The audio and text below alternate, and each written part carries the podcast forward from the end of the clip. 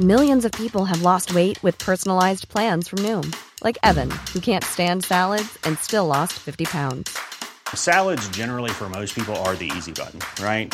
For me, that wasn't an option. I never really was a salad guy. That's just not who I am. But Noom worked for me. Get your personalized plan today at Noom.com. Real Noom user compensated to provide their story. In four weeks, the typical Noom user can expect to lose one to two pounds per week. Individual results may vary. Millions of people have lost weight with personalized plans from Noom, like Evan, who can't stand salads and still lost 50 pounds. Salads, generally, for most people, are the easy button, right? For me, that wasn't an option.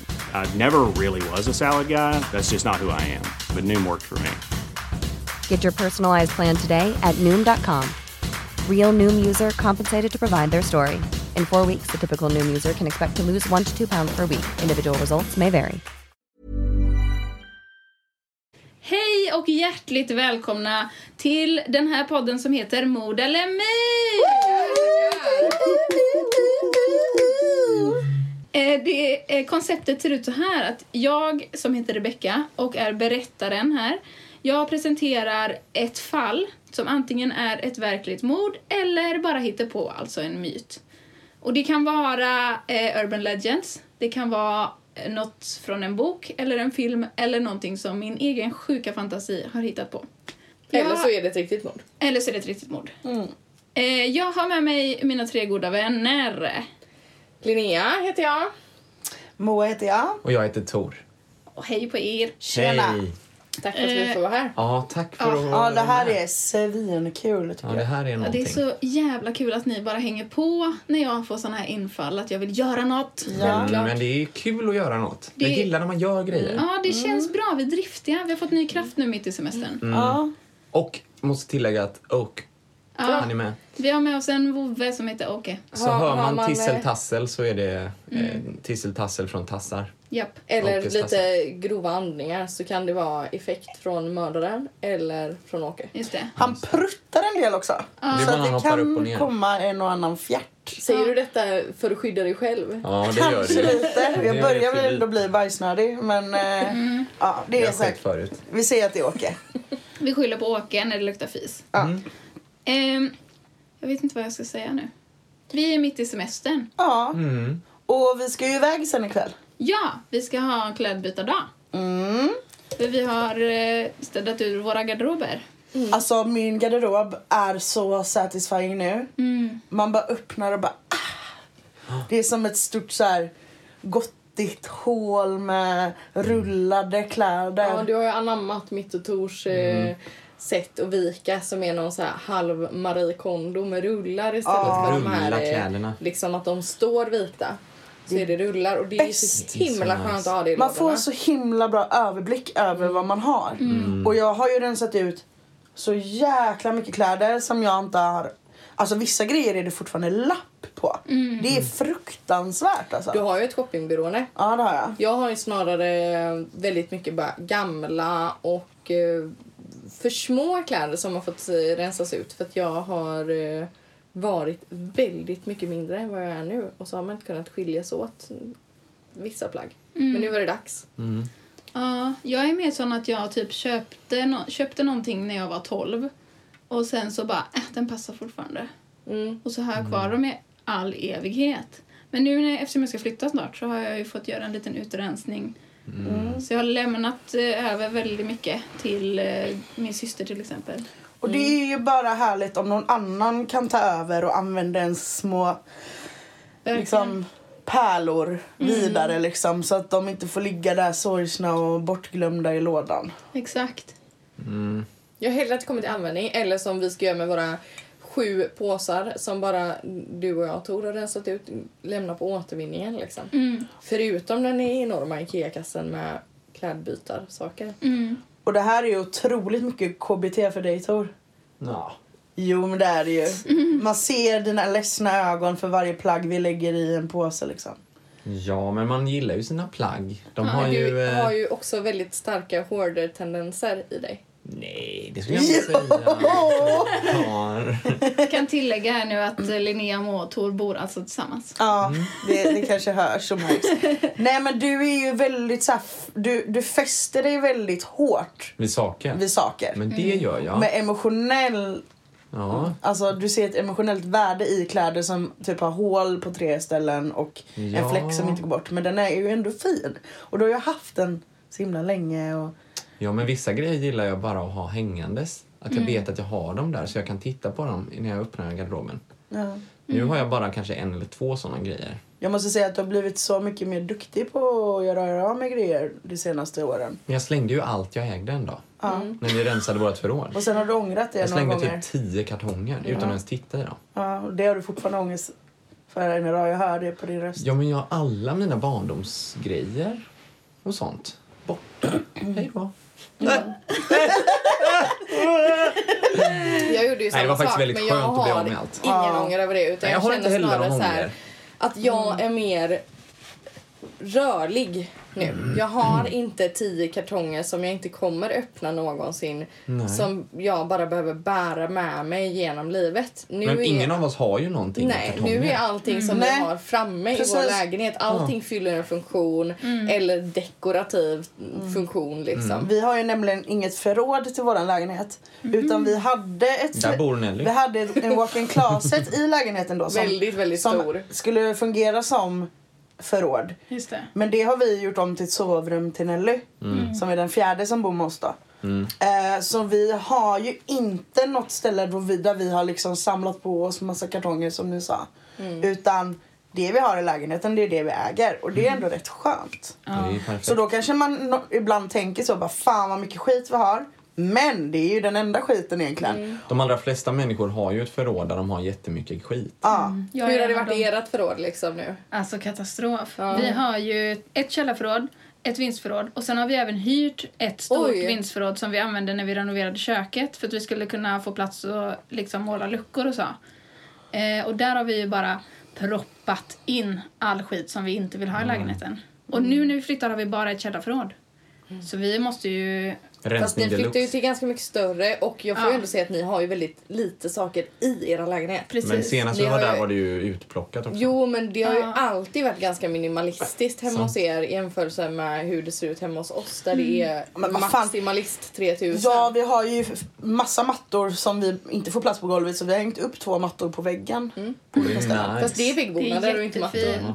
Ja, fast den som hänger i, i trappan är väl egentligen en matta? Nej, Det är en väggbonad. Okej. Bara att den är vävd liksom. Mm, en vävd väggbonad. Okej.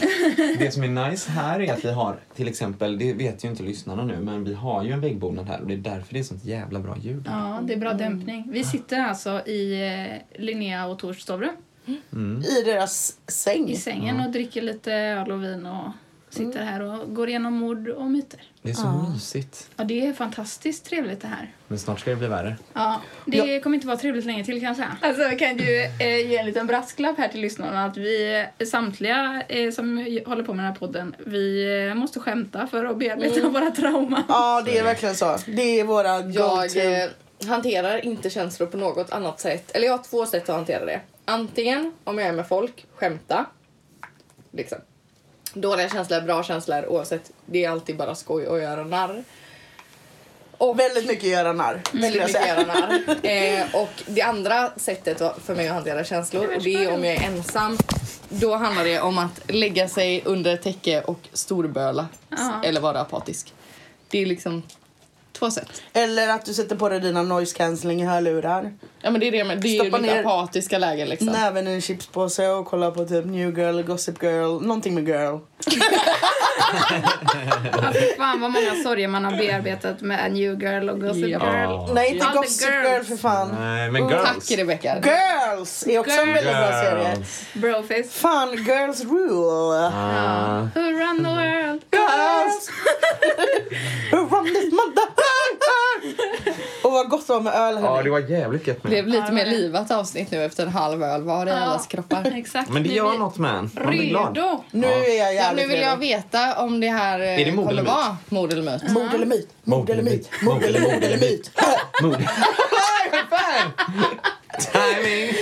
Okej. Nej men det där kanske blir en grej som vi kör nu. Ja! Nej, men Nej. nu behöver jag bli lite mer seriös Ja, känner jag. nu blir det seriöst läge. Yes. Nu ska vi köra igång. Jag ska berätta om eh, antingen ett verkligt mord eller en myt.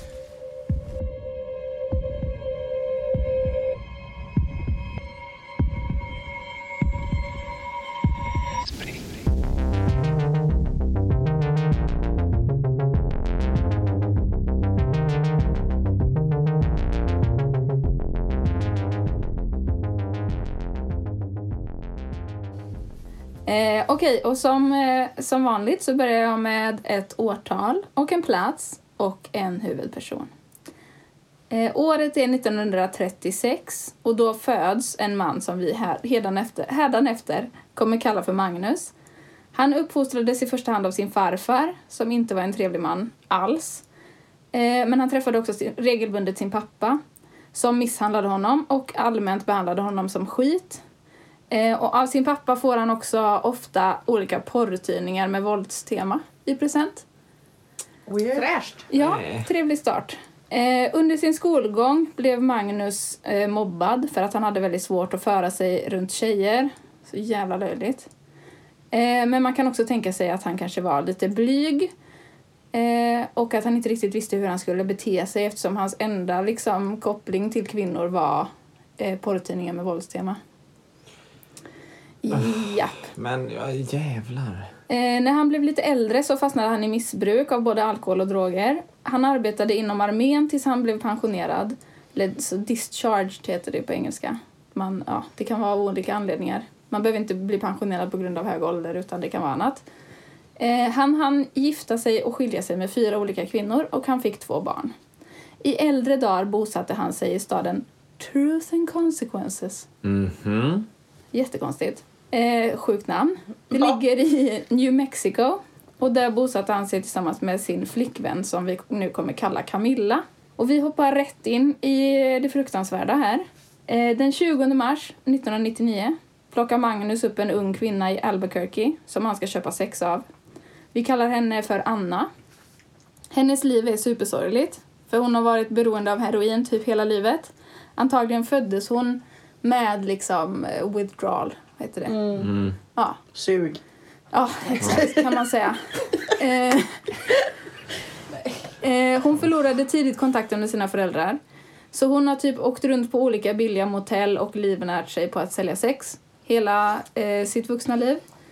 Och eh, Magnus och Anna kommer överens om ett pris. Anna hoppar in i Magnus husbil. Och i husbilen sitter också Camilla, som är Magnus flickvän ju. De sätter på Anna handklovar och typ kedjar fast henne vid ett rör eller någonting på något sätt inne i husbilen. Sen kör de tillbaka till Truth and Consequences. Det tar alltså jättelång tid. Ja. Så hon sitter där eh, utan att kunna se ut och åker i den här husbilen fast jätte, jättelänge.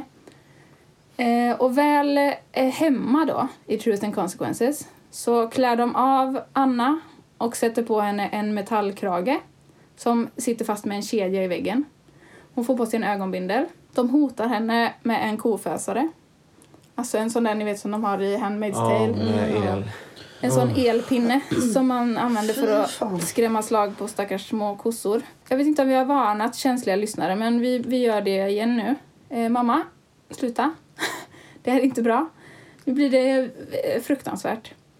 Eh, efter detta så låser de in Anna i ett rum bakom en stor ståldörr och sätter på ett kassettband. Och nu blir det ännu värre. På det här kassettbandet är det en inspelning som Magnus har gjort där han i princip berättar för Anna att hon är kidnappad och vad han tänker utsätta henne för. Ja, jag tänker inte återge men eh, han säger i princip att hennes enda syfte i världen är att hon ska vara deras sexslav och att hon aldrig kommer komma därifrån. Nej men... Ja, alltså Ah, man får Magnus. svårt att andas av det här. Eh, han berättar alltså i detalj och kallar henne för eh, bitch. Han börjar hela bandet tror jag med att säga listen bitch. Eh, han säger vad han ska göra med henne och eh, hur han tycker om att tortera kvinnor. Han berättar också att det, han har torterat många andra kvinnor innan hon kom in i bilden. Och jag tänker inte gå in på en massa detaljer om vad Anna utsätts för hos Magnus och Camilla, för det är för vidrigt. Alltså jag mådde så jävla dåligt när jag gjorde research för det här avsnittet. Så jag kommer lämna ute väldigt mycket detaljer, bara så att ni vet. Man torterar och våldtar Anna på de värsta tänkbara sätt. När hon inte utsätts... Oj, det var Åke. Åh, han var dum. Han blir också upprörd av det här. Ja. Comic relief, Åke. Tack för det Åke. Nu vaknar vi till lite här. Ja, ja nu får du gå. Hej då. Hej då Åken. Ja, jag fortsätter. Magnus och Camilla torterar och våldtar Anna på värsta tänkbara sätt. Och när hon inte utsätts för det här fruktansvärda så är hon fastkedjad i vardagsrummet. Då har hon den här eh, stålkragen runt halsen som sitter fast med en kedja i väggen. Hon sitter fast med kedjor runt handlederna som också sitter fast på något sätt i rummet och även runt fötterna. Eh, hon får ett mål mat om dagen bara för att hon ska liksom överleva. Och Magnus tycker om att visa Anna bilder på andra kvinnor som tidigare har utsatts för samma sak. Åh, Ja. Riktig psykisk och fysisk terror. Tvärvidrigt verkligen. Eh, Helvete. den 22 mars 1999, alltså tre dagar eh, efter att de har plockat upp Anna i Albuquerque, så tre dagars tortyr och våldtäkt, så sätter de Anna i vardagsrummet innan Magnus ska gå till jobbet. Och då tar han av henne alla kedjor förutom stålkragen. För att hon är så himla svag så han tänker att hon liksom har accepterat sitt öde. Så då är bara Camilla hemma och telefonen ringer när hon ska vakta Anna. Och då går hon och svarar och telefonen är i ett annat rum. Eh, så, eh, och när hon går och svarar så har hon glömt nycklarna till Annas lås på bordet Mm. i närheten av där Anna sitter. Och Anna lyckas få tag på bordet med foten och får tag på nycklarna. Och när hon håller på att putta tillbaka bordet för hon inser ju att de får inte, Camilla får inte se att jag nästan kommit loss liksom. Eh, när hon får tag på nycklarna så kommer Camilla tillbaka in i rummet. Och Camilla börjar slå Anna i huvudet med en lampa. Men Anna är en sån jävla bad bitch. Och helt inställd på att det här är hennes enda chans. Hon är så jävla hög på adrenalin. Och då får hon tag på en ishacka som ligger på golvet som Camilla antagligen har använt för att hota henne med. Och rammar den rätt in i Camillas huvud.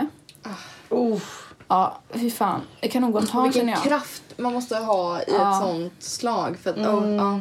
Helt sjukt. Skönt kände jag. Ja, eh, vissa får vad de förtjänar. Eh, och medan Camilla då ligger däckad eh, så lyckas hon låsa upp sitt lås. Hon kan inte låsa upp stålkragen men hon eh, lyckas liksom låsa upp låset som sitter fast, alltså som håller fast kedjan och stålkragen. Eh, så hon har den hängandes runt halsen fortfarande. Precis. Eh, och då springer hon ut därifrån. Och då har hon någon slags kedja hängande efter sig också. Så springer hon in till en granne och ringer polisen. Och polisen kommer dit och arresterar Magnus och Camilla just när de kommer hem efter att ha varit ute och letat efter Anna. Så hon är liksom helt naken med en stålkrage runt halsen. Eh, Anna tas till sjukhuset och hon har blivit svält. Man hittar spår av droger i blodet. Hon har skärsår på hela kroppen. Hon, är fortfarande, hon har fortfarande den här metallkragen på sig och det tar ganska lång tid för personalen på sjukhuset att få bort den. Under polisrannsakan i husbilen hittar man typ 400 saker som inte verkar tillhöra varken Anna, Magnus eller Camilla. Inne i husbilen, eh, eller i huset, jag är osäker, hittar man eh, ett rum med en ståldörr som polisen inte får upp, så de måste ta in en låsmed. Innanför dörren hittar de en tortyrkammare, alltså med alla tänkbara tortyrredskap. Eh, jag orkar inte beskriva mer vad det fanns där inne. Men det fanns i alla fall en stol där man kunde kedja fast sitt offer och en spegel i taket. Alltså, det, ja, det är så vidrigt. Eh, då ringer den lokala polisen till FBI, för de alla känner Magnus, det är en liten stad. De klarar inte av det här. 30 FBI-agenter och 20 poliser genomsöker huset. Man hittar så mycket sjuka saker. Eh, man hittar också videoband och bilder på andra kvinnor som har utsatts, utsatts för liknande saker. Oh, Så nu är det dags för er att gissa om detta är ett verkligt mord eller en myt. ah, shit alltså. Jag känner ju direkt att jag måste ha en cigg efter det här. Ja, jävlar. Uh, Åh, vad mycket hemskheter. ja, man behöver typ andas och smälta. Mm. Det är verkligen som du sa, så mycket så att man inte kan andas riktigt. Men jag, jag fan känner att eh, det här är på riktigt. Så känner jag. Jag vill himla gärna att det här ska vara en myt. jo men men det, det känns, känns- inte som att det finns någon poäng med att göra en sån här myt. Eller så här, det det är ju en sån poänglös historia. Alltså no offense men... eh, Eller så här, den är ju liksom... Ja, men det känns Det som de flesta myterna har ju något syfte. Att liksom skrämma upp, varna, gå inte till den platsen, var inte i den. Ja, det finns ingen här- dramaturgi i det. Det är bara så här, v- vidrig gobbe blir eh, liksom, har tuff barndom, gör sjuka grejer, Kanske det som är lärdomen. men har inte en tuff Ge barndom. inte dina barn... Porr! Våldsporr. Det är så här antiporr, det är porr, antiporrpropaganda. Ja, exakt. Ja, kanske. Ehm, Nej, det är oh, vad hemskt. Ja, det är så totalvidrigt. men jag menar, jag, jag måste ändå... eh, Jag tror inte att... eh, nej, åh, jag tror det är på riktigt alltså. Jag vet inte varför jag känner det. Ja, Men jag, jag, Jo, men det känns för, det är bara för att det känns liksom så här. eh, Det, det är ju liksom verkligen in- ingen... varför skulle man hitta på det här? Och jag tycker inte det Varför känns som att det, det här? det känns inte som att det här är en historia man går runt och berättar för folk heller så här. Lite av en partypooper. Ja men verkligen, det är liksom för hemskt. För många äckliga detaljer Ja. för att det ska kunna vara en sån vandrande historia liksom. Jag tänker som i, i pilotavsnittet, det kanske man inte hör. Men det, då, då handlade det ju om en, eh, en stuga för länge sedan under the gold rush. Och det var lite mer så... Precis. Lite mer mytiska Mytiskt, inslag. Liksom. Omgivningen, platsen och att det är så så här, ett, en, ett ställe man kan besöka. Ja. Eller så här, som, som blir som ett skräckhus. Det här Det är har inget kanske inte här. såna... Det är bara Visst, man kanske vill besöka det här och tortyrkammarhuset. Liksom. Det kanske blir en sån attraktion av det hela. Eller rykte Nej, men det är om ett hus på en gata. Men det är för grovt. Ja. Men fan vad sjukt det stället hette. Ja, truth and consequences. Och Det sen så tycker jag ligger- också att eh, det borde vara så här en... ehm, Alltså, eh, offret. Hon borde ha varit typ en så här... Om det hade varit en myt, då skulle hon varit typ så här en senatorsdotter Just det. eller, eller någon så Ja, jag här... tänkte så här, man hade fått veta mer om henne då. Också. Ja, men Eller också mer typ betydelsefull person. Ja, alltså jag, jag vill Hur ju... hemskt det ens låter. Men... Ja, men alltså f- för att det skulle funka liksom. Eller för att det skulle... Eller jag vet inte. Ehm, det, blir, det är något, bara ett extra lager av så här hopplöshet och tragik och det känns så jävla mycket som den grå verkligheten att så här, men folk har eh, abstinensbesvär från födseln. De prostituerar sig och så träffar de andra som har en fucked up farsa och sen så gör de ännu mer fucked up grejer mot, eh, mot eh, folk. Nej. Usch alltså. Och så är, åh. Ja men det, åh jag vet inte. Jag vill ju inte att det ska vara sant men samtidigt så är det så här, det är en fucked up person som har hittat på det här om det är påhittat också liksom. Mm.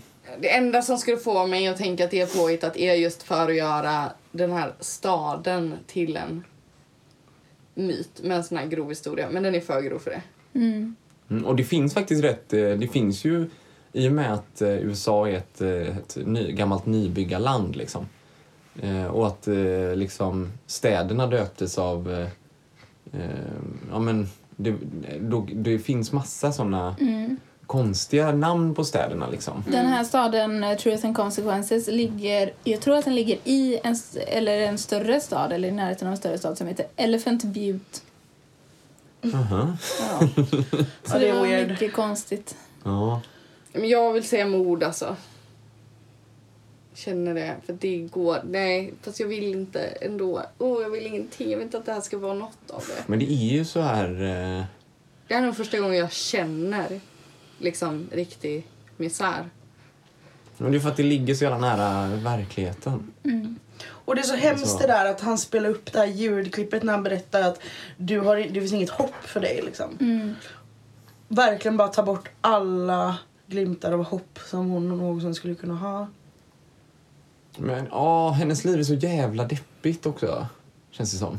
Alltså att hon går där och, och, och är liksom eh, sugen på heroin. Och så kommer någon sån jävel och gör det ännu värre för henne. Mm. Svinsekt liv alltså. Ja, vad tror ni? Är ni överens? Ja, Jag tror det är mord. Jag tror också mord. Kunde du inte slängt in någon liten Sauron eller någon... någon Lätta upp lite. Något litet troll eller något. Ja, Det visade sig att eh, huset var byggt på en ond trollkarls gamla mark. ja just Och det är det. därför de var så jävla sjuka i huvudet och gjorde såna dumma grejer. Var det så? Då tror jag att det är myt i så fall. Nu är vi där igen. Vi ska bearbeta oss det här traumat med garv. Åh. Ja, är ni ense om att det är eh, Mord. ett mord? Ja, det Jag är säger mord. mord. Ja, tyvärr så har ni helt rätt. Fan. Ja, jag vet. Det är så Inte ens min vinnarskalle tar över här. Liksom. Nej, det finns verkligen ingenting som är... Usch vad hemskt. Ja, det enda som är lite positivt är ju att Anna, som egentligen heter Cynthia, faktiskt kom därifrån. Mm. Vad gör hon nu för tiden då? Ja, jag ska berätta lite bakgrund här. Har hon kickat drogerna och börjat föreläsa? Eh, det vet jag faktiskt inte, men jag, man kan ju hoppas det. Ja, det känns som att det är där att man hon hamnar. har Liksom. hittat någon slags lycka ändå. Liksom. Man åker runt i skolorna och bara säger att droger är dåligt. Och Ja. Droger och prostitution inte är vägen att gå för då kan man bli kidnappad och torterad. Ja, vi får Mm. verkligen hoppas att hon eh, ändå efter omständigheterna kan leva ett Mm. någorlunda lyckligt liv. Fy fan vad Det, traumatiserande. kan, det här är alltså. kanske en sån historia man ska berätta för folk som är för prostitution. Som Ja, tror på den just det. lyckliga horan. Ja, det här var ju en av dem som inte var så lyckliga då. Nej. Jag ska berätta lite mer eh, bakgrund för er. Det som ni har hört är eh, historien om The Toybox Killers. David Parker Ray, som jag kallade för Magnus, och Cindy Hendy, som jag kallade för Camilla. De kallas The Toybox Killers därför att det här tortyrrummet som de hade kallade de för sin toybox. Usch. Ja. Alltså jag måste säga att det är något så eh, lite småsunkigt tycker jag med så här, eh, am, alltså hur amerikansk media så här showbusinessifierar eh, Mördare, mord. ja. Att de ger dem ett klatschiga... Alltså i Sverige gör vi väl det lite men då är det ju så här typ Hagamannen men det är ju, där är det ju typ, ja men han hängde, han mördade folk i Haga, då är det, blir det mer logiskt. Eller typ Skandiamannen. Ja, han precis. jobbade på Skandia. Det är ju inte så här, det är inte så fyndigt som eh, eh, som många liksom, alltså då blir det mer som att det känns som en myt eller att, att man ska bli sugen på att följa det som att det vore en tv-serie när det handlar om Exakt. liksom Ja det är för jävligt. För att sälja Ja, lösnummer typ. ja, Ja, men- kapitaliserar på mord. Mm, exakt. Ja. Fruktansvärt vidrigt. Det är inte konstigt att de liksom... eh, Det känns som att man får en eh, distans till våld på ett osunt sätt då. Mm. Och att eh, om man är liksom eh, lättpåverkad eh, ungdom kanske då tar till med eh, våld och En skolskjutning. en skolskjutning och Ja, sådär. visst. liksom. Alltså att, eh, ja. Mm. Ja, fy fan. Ja, jag fortsätter att berätta lite mer här om The Toybox Killers. Mm. David Parker Ray och Cindy Hendy. Man tror att han har mördat uppemot 60 pers. Usch. Eh, framförallt kvinnor. Men man har inte lyckats hitta några kvarlevor. Men i sin husbil hade han videoband där man då ser hur han torterar kvinnor. Man hittade också smycken och andra saker som han tros ha sparat från sina offer. Eh, men man, man får liksom inte ihop det. Man kan inte länka några försvinnanden till honom. Och man hittar inga kvarlevor. Eh, Det är väl säkert för att han väljer att ge sig på människor som redan är nere på botten som inte har någon familj. Och, precis. lever Som- jävligt mycket off the grid. ja, jävligt mycket off the grid. Man som lägger ingen, inte jättemycket resurser på att hitta en hora. nej, och de har ingen koll på, på vilka de... Alltså så här, de, det går inte att spåra dem. Nej, precis. Man, Det är ingen som saknar dem heller. Nej, Fan, det är så jävla hemskt alltså. Ja. Usch. det är så total vidrigt. När, man, när polisen kollar igenom de här eh, videoklippen så hittar de en kvinna som har en svantatuering. Och det är det enda som de liksom lyckas hitta på de här videobanden som man skulle kunna efterlysa. Mm. Så de går ut i media och bara, är det någon som känner någon som har en sån här svantatuering? Eh, och då är det en kvinna som kontaktar polisen. Eh, hon har blivit drogad och kidnappad.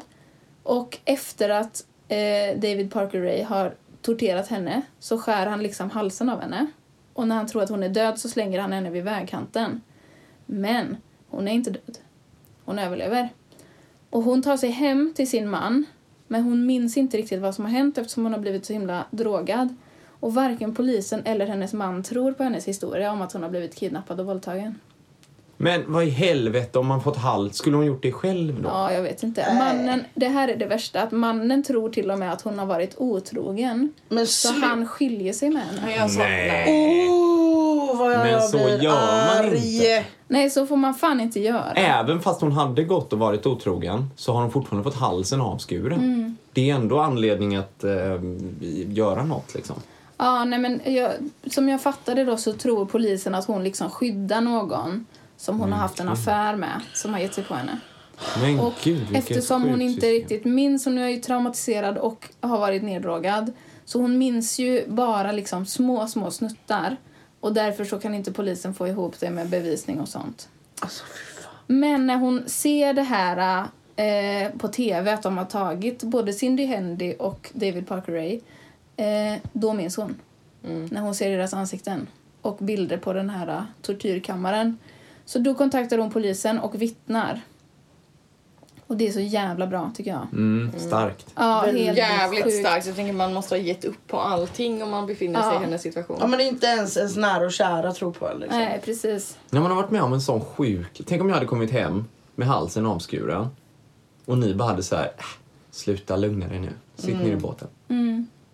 Fan! Ja, det Jag hade blivit eh, superledsen. Ja. Vad är det för jävla sjukt? Eh, Då måste man skaffa sig bättre polare. ja, verkligen. Eller... Eh, nej, jag vet inte. Fan vad Men när var alltså. detta? Det var på 30-talet? Nej, det här var 90... Ja, 90-talet. 99 rymmer ju eh, Anna då, som jag kallade henne. Hon heter egentligen Cynthia. Eh, från eh, den här tortyrkammaren. Varför fick jag... ja. Fy fan alltså. Det Ehm. är så sjukt. David Parker Ray döms till 224 år i fängelse. Men den jäveln dog i en hjärtattack efter att ha suttit i tre år. Nej. Alltså, Nej. ja, jag blir så arg när jag tänker på det. Åh, Han dog i alla fall. ja, Fast Så han slipper fick man honom. inte Jag tycker fan eh, Han han, skulle- ska sitta i en tortyrkammare. släppts ut och blivit lynchad. Mm. Eh, Cindy Hendy. Det här kommer ni också bli. Nu blir vi arga igen. Cindy Hendy som vittnade mot David Parker Ray, sin partner, och fick en sån plea deal. Alltså att hon fick ett förkortat straff. Hon dömdes till 36 år i fängelse. Hon kommer typ komma ut 2036. Nej. Om inte tidigare. Med. Hon var ju med. Ja, hon har ju varit väldigt delaktig men hon vittnar ju bara att det är han som har liksom hotat henne och slagit henne och drogat henne och tvingat henne till detta liksom. Så ja, hon är ju inte här, hon kan ju inte försvara sig. Nej. Eh, och vi kan ju inte uttala oss kring vad som faktiskt har hänt men det gör mig förbannad att hon ska få komma ut. Eh, Samtidigt vill jag inte heller så här misstro en kvinna för det kan mycket väl vara att hon är fast i Ja. detta och inser att antingen så blir jag dödad eller så går jag med på de här sakerna. Visst. Så att, Det är inte helt otroligt liksom. Nej. nej, nej, det har du helt rätt i. David Parker Ray har tidigare sysslat med någon slags människohandel mellan Mexiko och USA och kommit undan FBI. Och det är på så sätt han har hittat en del av sina offer, tror man. Att det liksom är papperslösa. Och det är därför man inte kan koppla det till några försvinnanden. Eh, när han är 30 år gammal mördar han sitt första offer som är en ung flicka. Han säger själv att han har mördat omkring 30 personer, framförallt kvinnor men även män. Men man tror att det är uppemot 60, kanske ännu fler. Men man kan alltså inte bevisa det. Så hemskt. Så jävla Ah. hemskt! Så tyvärr fanns det inte så mycket glädjande besked i slutet av den här historien heller. Men... ehm, fan alltså. Vad man borde fånga upp eh, potentiella tokfransar i, i början av deras liv lite grann. Ja, Och eh, se till så att de eh, kan få utlopp för de här sjuka grejerna på något annat sätt. ja precis. Alltså tänk om den här eh, eh, farbrorn som gjorde det här David Parker Ray. David Parker Ray. Tänk om han hade kunnat få ett eh, ritblock eller en skrivmaskin eller en videokamera eller någonting Mm. när han var liten istället för våldsporr. Ja, Och typ någon som kunde hjälpa honom och säga men eh, gör, eh, gör lite sjuka gore-filmer typ med ketchup och gröt typ. Eh, Och få utlopp för eh, ditt eh, märkliga mörker. Eller typ rita helt fucked up konst eller ja. Typ skriv eh, skeva låtar eller Mm. vad som helst. Ja, tänk om man hade kunnat... Alltså få ett outlet på något annat. För jag menar, sjuka människor kommer alltid finnas. Ja, Men eh, jag tror man kan, eh, om man ger de människorna en, en annan... Eh, Rätt verktyg att kunna liksom... ja, för att jag menar, det finns ju människor med mörker i sig som lägger det på andra saker. Liksom. om man bara får hjälp till att börja med att hitta verktyg där man kan... Jag tänker att du behöver också ha en person i detta som stöttar dig i det då, som vägleder dig. En lärare, en som jobbar för socialen. Mm. Jo, men jag menar det. De, alltså, ge, ge en filmkamera vara- och liksom så här, men så här kan du göra för att det ska se ännu äckligare ut. Typ. Om det nu är det man har i huvudet. Liksom. Eller så här. precis. Kärlek och stöd bara liksom. Ja, Ja. det tänker jag annars. Att försöka ta bort mörkret.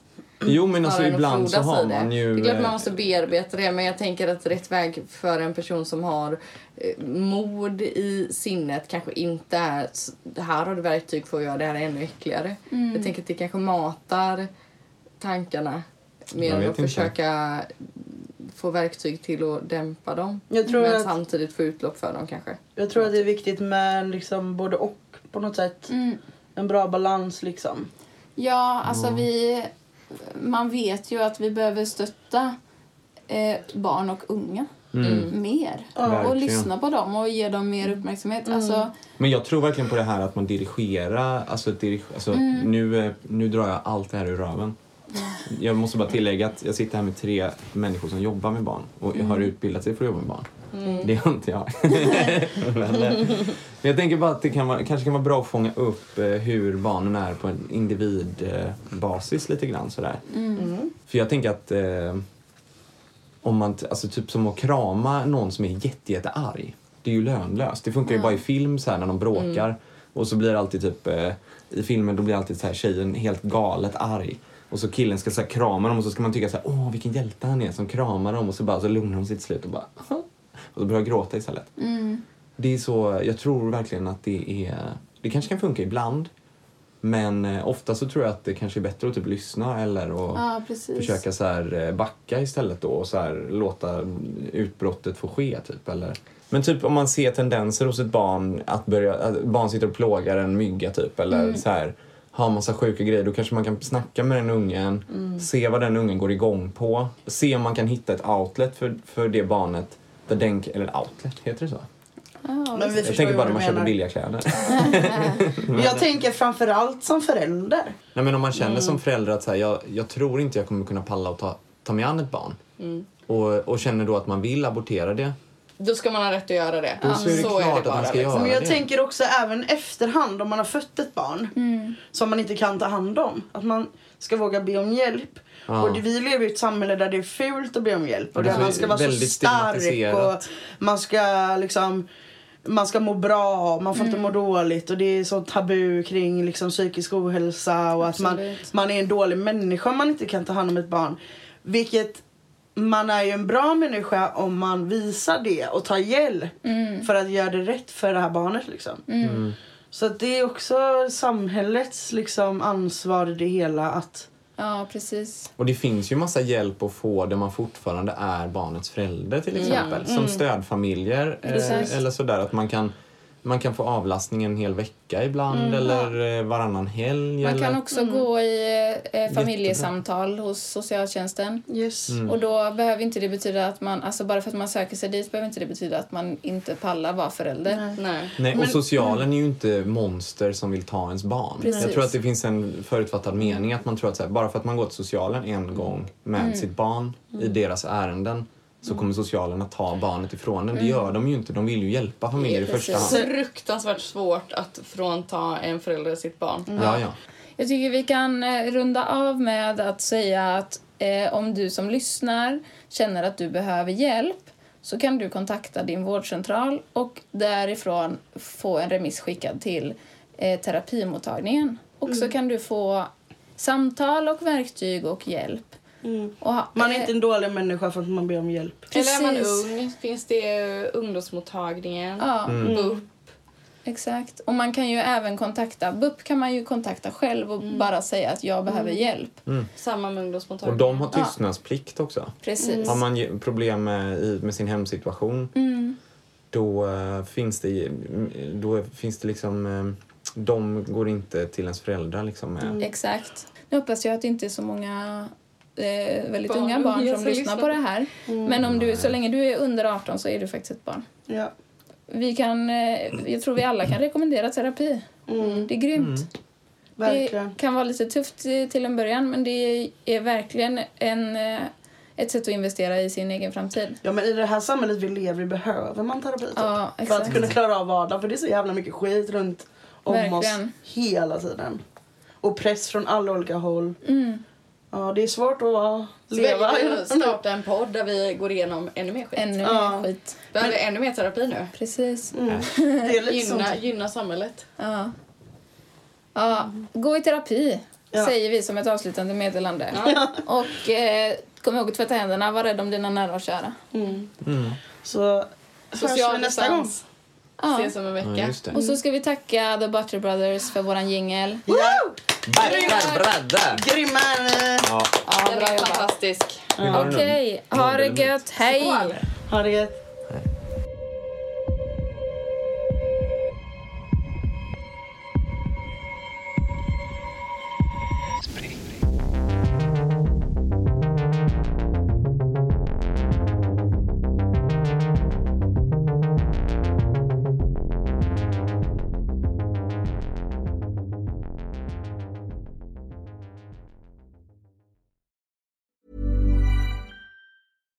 Hi, I'm Daniel, founder of Pretty Litter. Cats and cat owners deserve better than any old fashioned litter. That's why I teamed up with scientists and veterinarians to create Pretty Litter. Its innovative crystal formula has superior odor control and weighs up to 80% less than clay litter. Pretty Litter even monitors health by changing colors to help detect early signs of potential illness. It's the world's smartest kitty litter. Go to prettylitter.com and use code ACAST for 20% off your first order and a free cat toy. Terms and conditions apply. See site for details. Ever catch yourself eating the same flavorless dinner three days in a row? Dreaming of something better? Well, HelloFresh is your guilt-free dream come true, baby. It's me, Kiki Palmer. Let's wake up those taste buds with hot, juicy pecan-crusted chicken or garlic butter shrimp scampi. Mm. Hello Fresh. Stop dreaming of all the delicious possibilities and dig in at HelloFresh.com. Let's get this dinner party started.